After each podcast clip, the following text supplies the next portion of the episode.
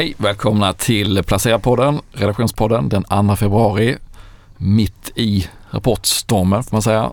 Eh, och idag är vi bakom mikrofonerna med själv Martin Blomgren samt Daniel McPhee.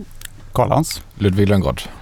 Och det är som sagt stor rapportvecka, inte minst för de amerikanska bjässarna, Kalle. Exakt. Jag vet att du brukar ligga på kvällarna och följa. Ja, man kan inte, man kan inte gå till sängs tidigt eh, de här perioderna. 22.00 stänger det. Ja, precis. Och sen har du en, brukar det komma en kvart, 30 minuter senare ungefär. Något sånt där. Ligger du i sängen när du läser rapporterna eller sitter du liksom vid köksbordet? Eh, jag brukar faktiskt sitta vid datorn då. Ja, Ja, det är nog det allra bekväma sättet. Inte liksom scrolla i telefonen utan du, Ja, det är lite 50-50 kanske. ja, Mm. intressant. Eh, Jag är lite mer kvällsmänniska då kan man säga. Än vad många andra är på den här redaktionen i alla fall. Ja, verkligen. Det är Så därför du är här och kan dra det åt oss. Det är Ja, det som är så bra. Exakt. Eh, nej, men vi har ju fått eh, några bjässar här. Bland annat eh, Microsoft fick vi eh, den 31 eh, januari. Eh, och eh, det var ju, eh, de slog ju konsensus eh, med några procent då. Det som framförallt var glädjande där var ju att deras eh, molnverksamhet, Azure, växte med 30 procent. Eh, och vi fick då en eh, positiv rapportreaktion Ja. på den. Eh, så det ser väldigt stabilt och bra ut. Sen har väl också de, det här förvärvet av Activision Blizzard gick väl också igenom nu. Det har gått igenom, precis. Så det är ju positivt också för Microsoft. Och sen har ju värderingen då kommit upp en bit. Mic- Microsoft säga, den Mm. handlas till P36 nu. Mm. Samtidigt så såg jag att analyshusen har ju valt att höja aktien, fortsatt höja den på den här rapporten. Eh, så att eh, stabilt i alla fall vad det gäller verksamheten får man säga. Väldigt stabilt. Eh, Alphabet var lite svagare eh, och där är det framförallt då att annonsförsäljningen var lite svagare än väntat. Googles ägare för de som är nya på tech-arenan. Exakt. Eh, men även då eh, molnverksamheten här växer på bra. Eh, dock är den mindre då än vad Microsoft motsvarighet är. Eh, och eh, vi fick faktiskt en ganska kraftigt negativ rapportreaktion på Alphabet. Eh, så lite svagare gäller Alphabet. Sen hade vi då Amazon igår. Och den var ju då klart över förväntan när det gäller vinst på aktie i alla fall. Det var Mhm. över 25% över konsensus. Och deras viktiga då AVS, Amazon eh, Web Services, alltså deras molntjänst eh, växte med eh, 13 eh, Och då, det var ungefär i linje med, med Mm. förväntan. Då. Men där fick jag också en jättepositiv rapportreaktion. Då. Och sist men inte minst har vi fått in Meta som var den stora smällkaramellen kan man säga. Och det är ju, de ökar omsättningen med 25 procent. Och var klart bättre än väntat. Plus att då användaraktiviteten ökar igen.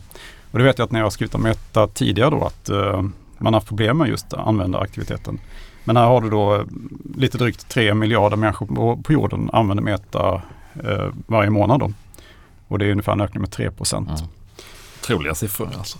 Eh, precis. Eh, och eh, det som då aktien fick en enormt eh, positiv eh, reaktion efter det här. Den steg med 15 i efterhanden då. Eh, men det som framförallt tar upp då det är att eh, de lanserar ett nytt återköpsprogram. De ska återköpa aktier för 50 miljarder dollar. Mycket Eh, pengar. det är mycket pengar. Men då får man säga att deras kassa då består just nu av 65 miljarder dollar. Så att de har krut att ta till. Mm. Och de här var helt uträknade va? För bara något år sedan. Ja, jag skrev ju faktiskt om det här. eh, Jag har ju följt Meta ganska Ja. noga och eh, 2022 så handlas de till P, framåtblickande P-tal på 10. Mhm. Aktien var nere runt 100 dollar då. Mm. Och nu är vi över 400 dollar. Utdelning också, inte bara återköp, eller hur? Precis, eh, 50 cent då ska de Ja. dela ut. Eh, Så att, eh, och de tänkte ge det då kvartalsvis den här Ja. utdelningen. Och vilket väl om jag fattar rätt är första gången de Exakt. lämnar utdelning. Och alla de här bolagen vi pratar om nu, de gick väl också väldigt starkt på börsen förra året va? Eller? Nästan. Ja, det gjorde de absolut. Särskilt de sista tre månaderna. Då. Ja, precis. Eh, Alphabet var väl lite trög kanske. Eh, Men den har ju tagit fart också. Jag tror- Men eh, jag vet att det som startade då Metas uppgång från 2022 också, det var ju just ett stort återköpsprogram också. Mm. Mm. Så att det var inte bara användaraktiviteten aktiviteten då. Nej. Men det problemet då i alla fall, det var ju att, eh, att TikTok var en så stor konkurrent. Och Just de eh, hade mycket reels och sådär. Just Eh, men där har ju Instagram då återhämtat det. Inte övertagit, de har inte tagit över men de har i alla fall fått upp då användaraktiviteten också. Mm. Och många räknade väl ut just det här med metaverse. Ja. Idén som bara väl är någon framtidstanke kanske mer än Ja, De det kostade väldigt mycket pengar också Ja. att ta fram det här. just det. Men där gjorde man ju stora neddragningar också Mm. och besparingsprogram och Och hur ser värderingen ut i de här bolagen nu då? Är det, Ja, alltså Meta är ju, är ju det är ju inte P10 längre liksom. nej. Eh, Utan det är P34 eller nu. Mm. Eh, Så att det har blivit betydligt dyrare får man säga. Ehm, Så att eh, ja, vi får väl se hur det, hur det går härifrån. Liksom. Mm. Med höga förväntningar. Ja, betydligt större än tidigare i alla fall. Och sen kommer då kanske lag, nya lagar också som reglerar Just det.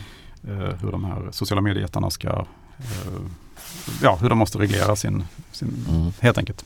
Så det kan nog bli tuffare framöver, kan jag Mm. mig. Ja, det blir spännande att följa. Mm. Låter lite som verkstadsjättarna som du har tittat på, lite tuffare framöver eller vad säger du? Ja, eller tufft, Martin? eh, tufft, tufft nu, men som vi, vi pratade om det förra veckan lite grann, att om det inte är tuffare än så här så är det ändå ganska mild Ganska eh, botten. Alltså. Ja. Men eh, egentligen den här veckan, det har ju fortsatt komma verkstadsbolag, men framförallt tycker jag det är, om det var bank och verkstad förra veckan som var de stora pjäserna på börsen så har det varit lite mer konsumentrelaterade bolag den här Mm. veckan.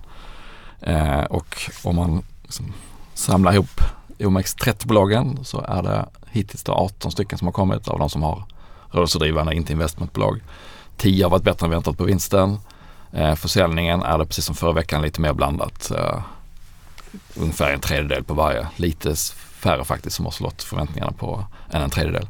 Mm. Medan utdelningsförslagen har varit lite bättre än väntat också. Så att, lite blandad bild. Ganska, förutom H&M då som kom en, eh, fick en ordentlig smäll så har det varit ganska förlåtande reaktioner tycker jag på börsen.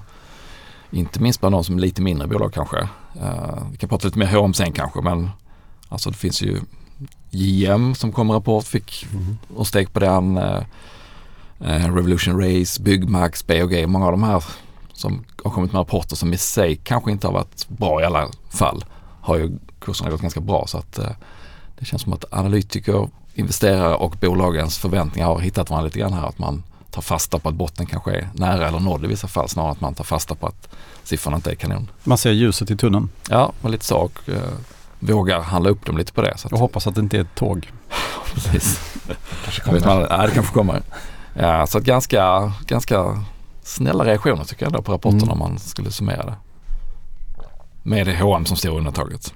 Mm. Men, vad var det? men H&M hade gått starkt innan rapporten Ja, och även förra året va? Så Så de där hade gick förväntningarna kommit upp rätt mycket. 57 procent förra året. Ja. Eh, och stora caset där har ju varit att de har ett marginalmål på 10 procent Mm. som de har sagt att de eh, siktar på att nå under 2024.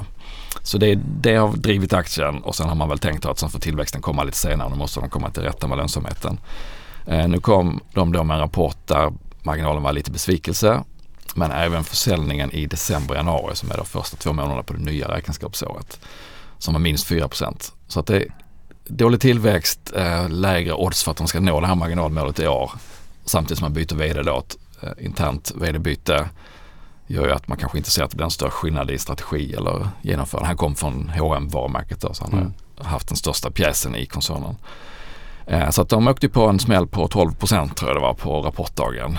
Inte helt obefogat och eh, de har vi också haft med i vår lista på månadsaktier. Vilket har varit bra under ett par månader i sträck men den här månaden var inte lika bra och eh, jag tog, min slutsats blev att det här kommer nog ta lite tid att vända.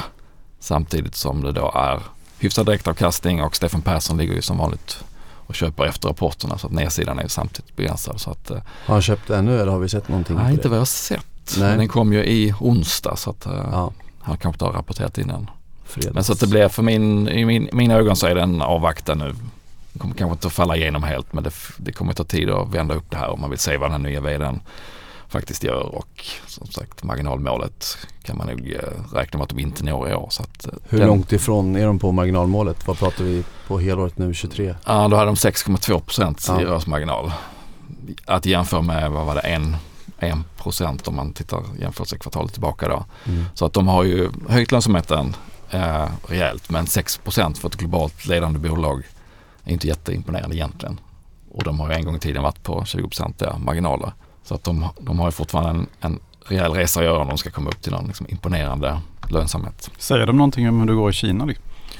Ja, det var väl okej där tror jag att de har kommit tillbaka lite men de har haft stora problem där tidigare så att det är precis som en del andra bolag lite, vad jämför man med?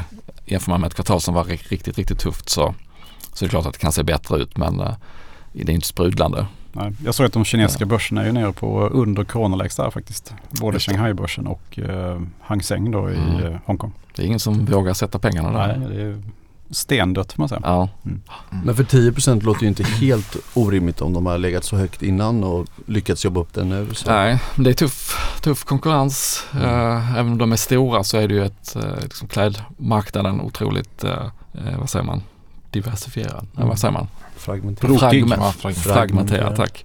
Framförallt Eh, Dach. Och många, och många tuffa konkurrenter Särskilt med. Shane från Kina till exempel och Zara som är huvudkonkurrenten. Så att eh, mm, det blir, det blir eh, ganska tufft tror jag. Men den nya vdn sa någonting om tankar framåt eller var det bara Det var ganska så mycket mycket, nej inte så kanske. mycket konkret sådär utan och han började ju, han hade ju varit vd kanske en timme då när de hade presskonferensen Mm. så att eh, man får ge honom lite tid också men nej det var ganska, vad ska man säga, klyschigt så att vi ska ha bra produkter till rätt pris och, eh, Ja. och eh, vara moderiktiga. Ungefär så. ärligt kanske? Ärligt, ja. Men eh, inte så mycket guidning om man ska Nej. lista ut hur de ska kunna höja marginalen. Nej. Men hur som helst, det blir ju svårt att göra det om inte omsättningen ökar eftersom man har ju kostnader som ökar i inflation och besparingsprogram som snart är klart. Då, så att Och man måste nog ha utdelning? lite draghjälp. Utdelning 6,50 samma som förra året. 4 direktavkastning. Ja. Helt okej men eh, ja, kanske inget som lyfter kursen heller. Nej. Så att eh, ja, avvakta på den och ut ur månadens aktielista. Och ut åkte också, du gjorde ett byte där Kalle, annars gjorde vi inte så mycket den här månaden. Ja, eh, det var mer ett skönhetsbyte kan man säga. Jag eh, plockade ut McDonalds faktiskt. Mm. Eh, men det var mer för att eh, Stekte burgarna. stekte burgarna precis. Ska hända något. Eh, nej, jag la in eh, ett franskt bolag. Eh, den franska kassaflödeskungen brukar man kalla det för. Vansi. Mm. Som är då ett av världens största eh, byggbolag. Eh, och det är ju sådana här stora eh, infrastrukturprojekt framförallt. Så att de är ju inte speciellt konjunkturkänsliga. Eh, plus att de då sköter förvaltning och ofta äger de också de här motorvägarna eller flygplatserna som de då kanske har byggt också. Så att de är ju, har väldigt goda kassaflöden. Som tar avgifter typ då på... De, de tar avgifter precis. Kan man säga att det är ett franskt Skanska eller är man snett på det där? det kan man nog säga ja. Delvis i alla fall. Delvis ja, precis. Eh, något större då. Mm. Eh, och eh, jag tänker att de kommer gynnas nu om vi får fallande räntor här. Eh, de har ju liksom, kan ju, har ju power att dela ut mycket pengar. Mm. Så att eh, helt enkelt ett, ett räntebett blir det. Så det var min, min tes den här månaden. Infrastruktur känns ju ganska stabilt i Exakt. dessa tider. Mm. Och särskilt med eh, konjunkturprogrammen och sådär som eh, du har ju Mm. åter, alltså, återbyggnadsfonderna då i EU här till exempel efter pandemin som fortfarande där pengarna inte har betalats ut än och sådär. Så att det finns mycket att göra. Ja men bygg alltså. Jag vet att du kollade på en annan byggare som eh, har varit i brygga får man väl nästan säga. Ja det får man säga. Igen Det, tänker på. ja precis, långt ifrån infrastruktur kan man väl nästan säga om man inte lägger in bostäder där då. Men, eh, ja, men de har ju haft det väldigt tufft, ganska länge till och med. Eh, snart två år Mm. när räntorna börjar höjas och det är faktiskt mycket de pratar om att det här är en av de mer tuffa kriserna de haft. Att finanskrisen var tuff men det var mer rakt ner och rakt upp Mm. medan det här har varit väldigt utdraget. Det viktigaste för dem är såklart att bygga bostäder men framförallt sälja bostäder vilket påverkar kassaflödet mycket. Och de kom med en rapport i Veckan. veckan, onsdags, Ja det var det tisdags, skitsamma, i veckan. Eh, och som sagt, de har ju också hela tiden bara skjutit på framtiden hur det kommer bli bättre och nu finns det väl faktiskt på riktigt chanser om vi pratar om riktiga räntesänkningar. Mm. Nu fick vi ju, pratade riksbankschefen igår Ja, senast. ett riktigt lappkast. Ja, Det kommer tidigare än vad de har sagt tidigare. exakt. Men eh, jag tror att för mycket för dem handlar om att köparna ska bli, så att säga, se att det blir inte högre än så här eller Mm. få någon form av stabilitet. Och nyproduktion är extra känsligt med tanke på att det generellt sett är lite längre löptider. Så att, och nu har det också funnits ganska stor efter, eller utbud på andrahandsmarknaden vilket påverkar nyproduktionen mycket. Men de kom in med en helt okej rapport får man Mm. säga. det såg bättre ut till en början än när man läser rapporten för Mm. att just det man tittar på mycket är hur mycket de lyckas sälja. Har de sålt något? Här? Ja de har ju det. De hade sålt betydligt bättre än väntat men det som är lite kruxet där är att de hade sålt en stor del av projekten till, eller en stor del av försäljningen var projekt i Finland och Norge. Och då säljer de hela hus och projekt till investerare. Så totalt så nästan 800 bostäder Mm. men nästan hälften om inte lite mer var till investerare. Så det säger Right. kanske inte jättemycket om underliggande efterfrågan från konsumenten. Å andra sidan dubblar de försäljningen i Stockholm men det är från väldigt låga nivåer.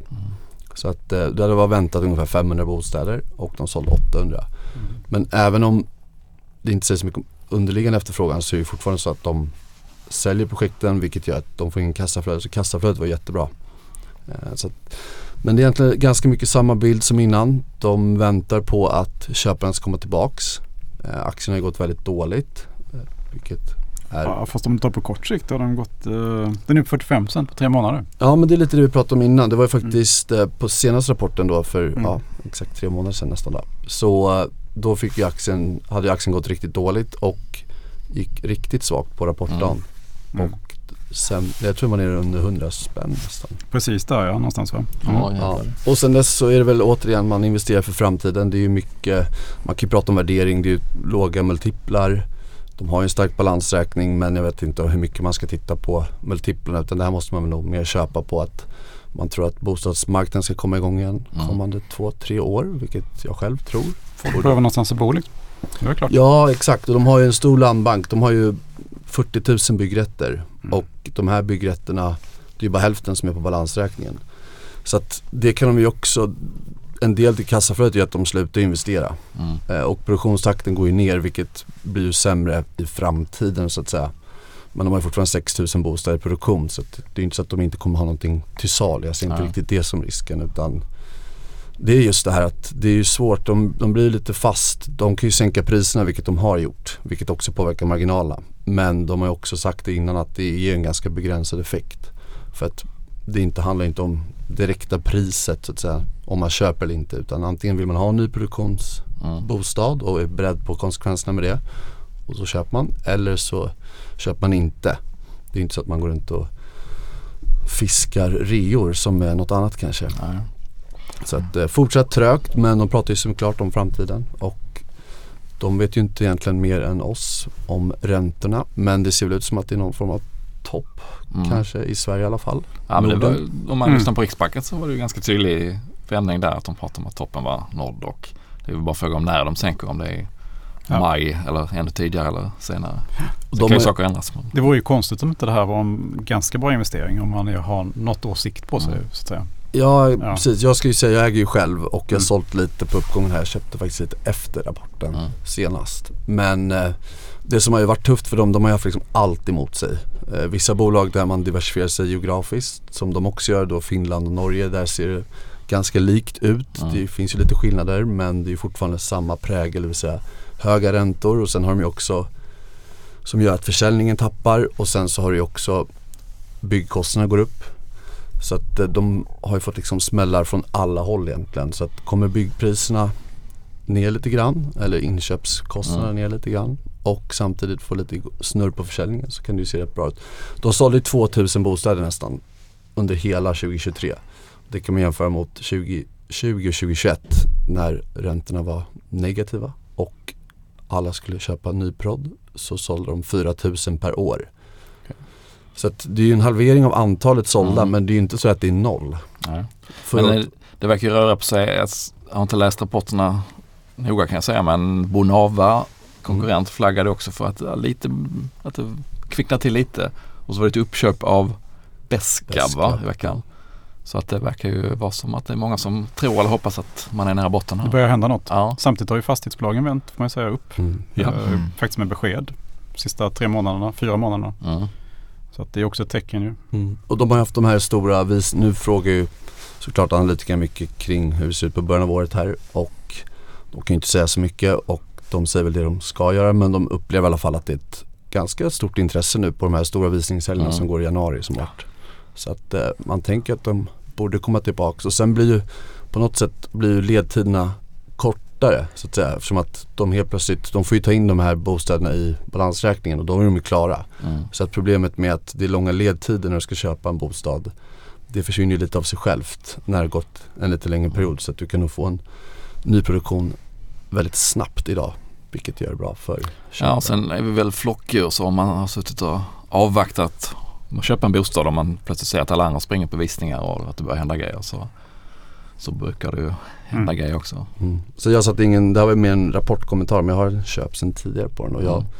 Tycker väl som sagt att det här kan vara ganska defensiv. Det skulle jag själv kunna äga tror jag faktiskt. Mm. Skulle jag Buffett, det. skulle Buffett äga den Ludde? Tveksamt alltså. Jag tror det är lite för volatilitet i det här. Men han har väl lite infrastruktur har han väl?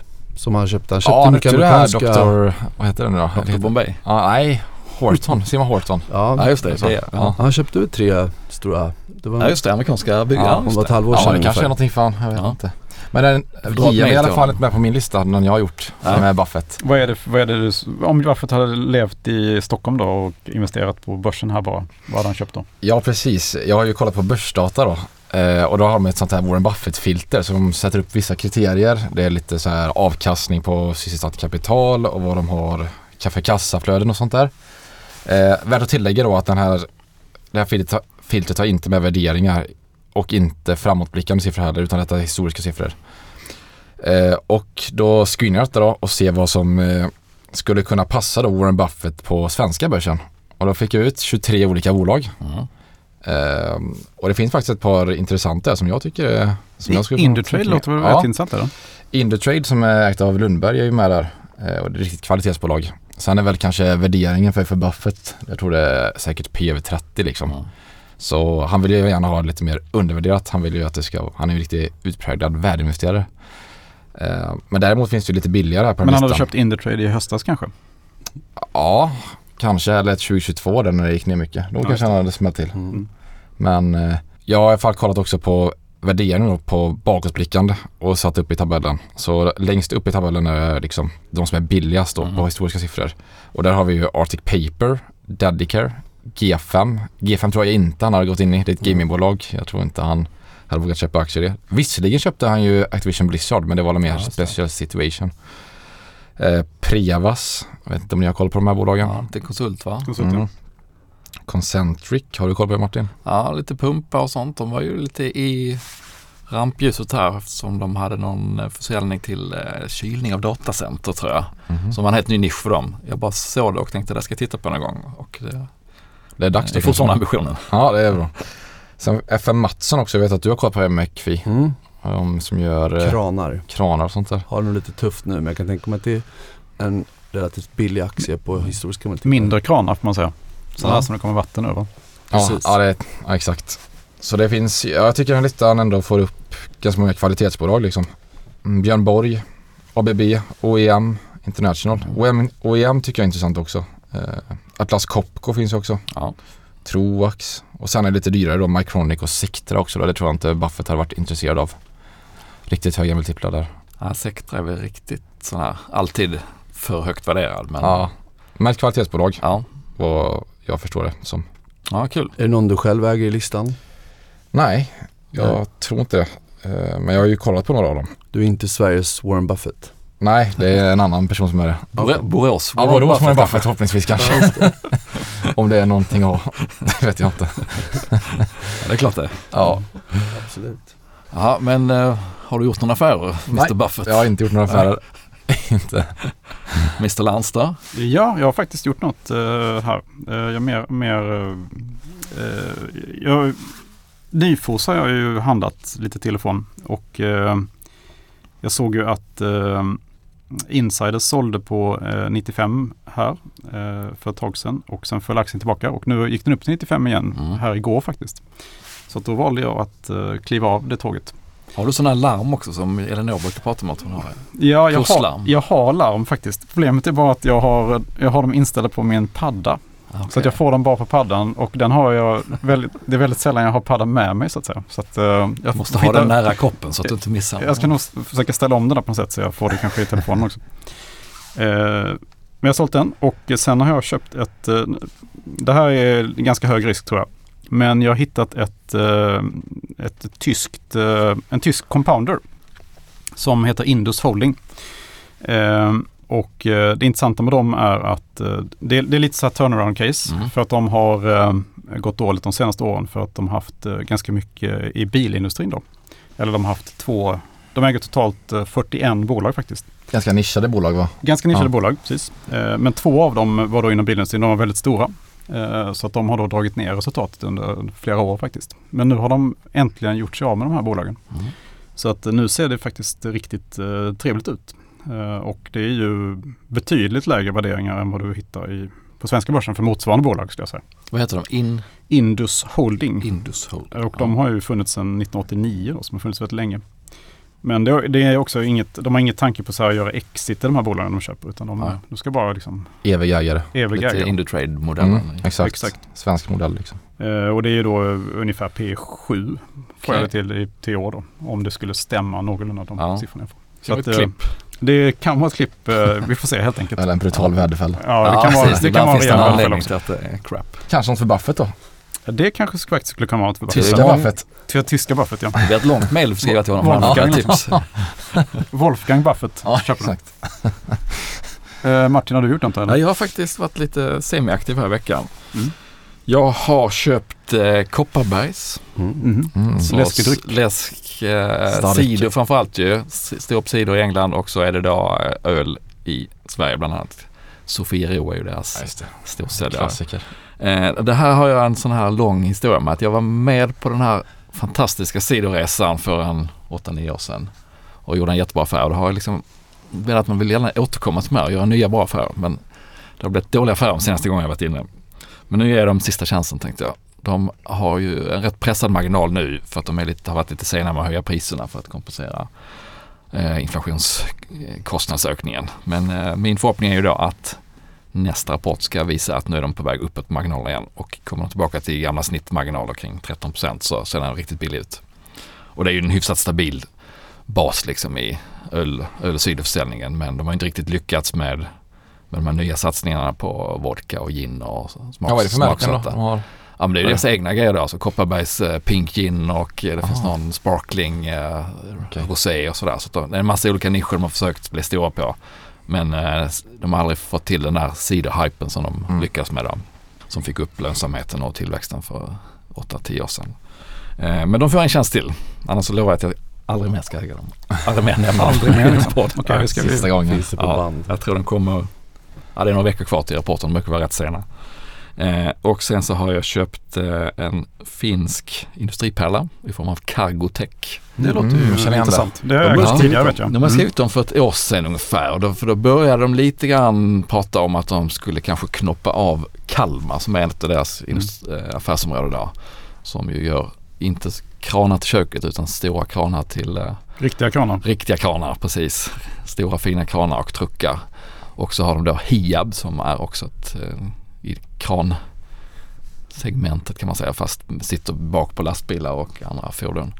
Och så har de ett område som heter McGregor.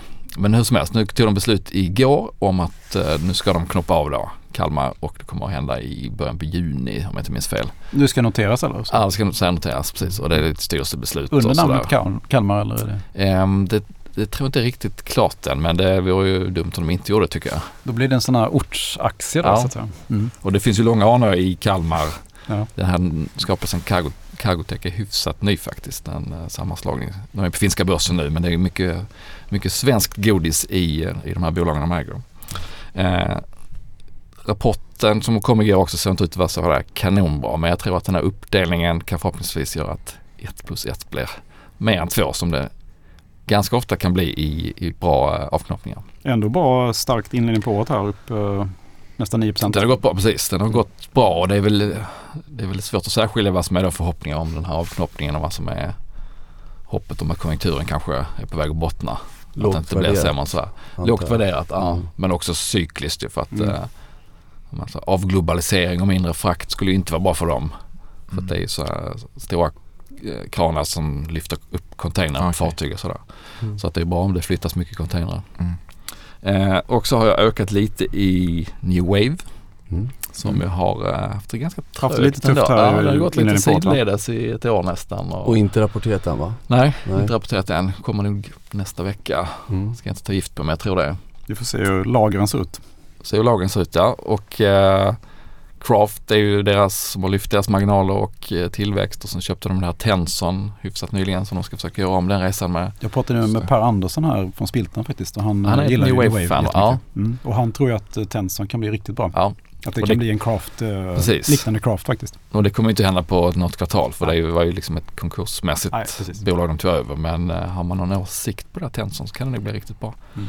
Så där, och den har jag haft sedan tidigare. Eh, ligger lite back men ökade där. Kapitalmarknadsdag några veckor men jag tänkte gå på. Skulle kunna bli en trigger också faktiskt. Jag tänker.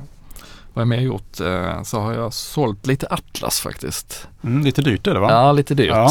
Fantastiskt bra bolag som vi har pratat om ofta här. Men eh, där hoppade jag in hösten 2022 när de var nedpressade. Och den är upp 50% sedan dess. Så att jag sålde en tredjedel och bokstavligen tog hem vinsten då. Mm. Så nu är samma, samma grundinvestering i pengar men tagit hem vinsten. Och stoppat in, stoppat in i Mm. sidor och eh, kranar istället. Mm. Så att, ja, det var väl ganska aktivt. Ja, väldigt aktivt. Ja, verkligen. Mm. Och nu Mycket. ligger du full investerad låter det som. Ja, Kul. jättefull. I bull, bulltrend då. Ja, jag hoppas på det i alla fall. Mm. Det håller i sig ett tag till. McPhee? Jag har väl minskat det mesta i min portfölj för att frigöra kapital. Inte bull där. Jo, jag är ju alltid bull. Jag älskar ju att vara bull. Men eh, nej men jag har ju halverat mycket höll jag på att säga. Ja, chicken precis. Nej men jag har ju för att frigöra eh, likviditet så har jag sålt ner det mesta. Köpt, jag har ju inte varit med på några veckor här nu men jag köpte lite grann i något annat konto som är längre pengar. Kommer jag knappt ihåg vad det var nu. Men jag ökade nog i de befintliga innehaven. Men sen blev jag också, nu är jag, ju- nu är jag slut på blankningar här. Ja, Hemnet. Hemnet. kom en monsterrapport och den var ju kort. Och jag tror att den, jag hade en stopploss på 280 och det var den ju över där. De kom en väldigt bra rapport, väldigt dyrt sen innan, går extremt bra. Mm. Och eh, nu har jag bestämt mig som att du sa någonting du aldrig skulle göra så ska jag väl lärt mig nu att blankning är inte för mig. Nu har jag ju två dåliga och en bra så att då får man sluta. Ja. Läropengar. ja, men det är väl farligt att blanka på värdering enbart om det nu var det som var caset. För det kan ju, dyrt kan bli dyrare under ganska lång tid. Ja, och nu kanske de är billigare i och för sig eftersom vinsten steg så kraftigt. Men, Mm. eh, men det fanns ju flera skäl till det. Men eh, bra läropeng också. Man blir ju lite sådär, har man en stopp loss så har man någon maxgräns till hur långt det kan gå upp. Och det är oftast inte särskilt bra kanske. Som du säger, dyrt kan bli dyrare. Men eh, En dyr utbildning men en bra utbildning. väldigt bra. Den kanske blir superbillig. Livets universitet. Ja. Exakt. Fina avslutningsord tycker jag. Mm. Ja, Ska vi tacka Ja, för den här veckan? Ja, det gör vi. ja, trevlig Trevlig helg. Hej.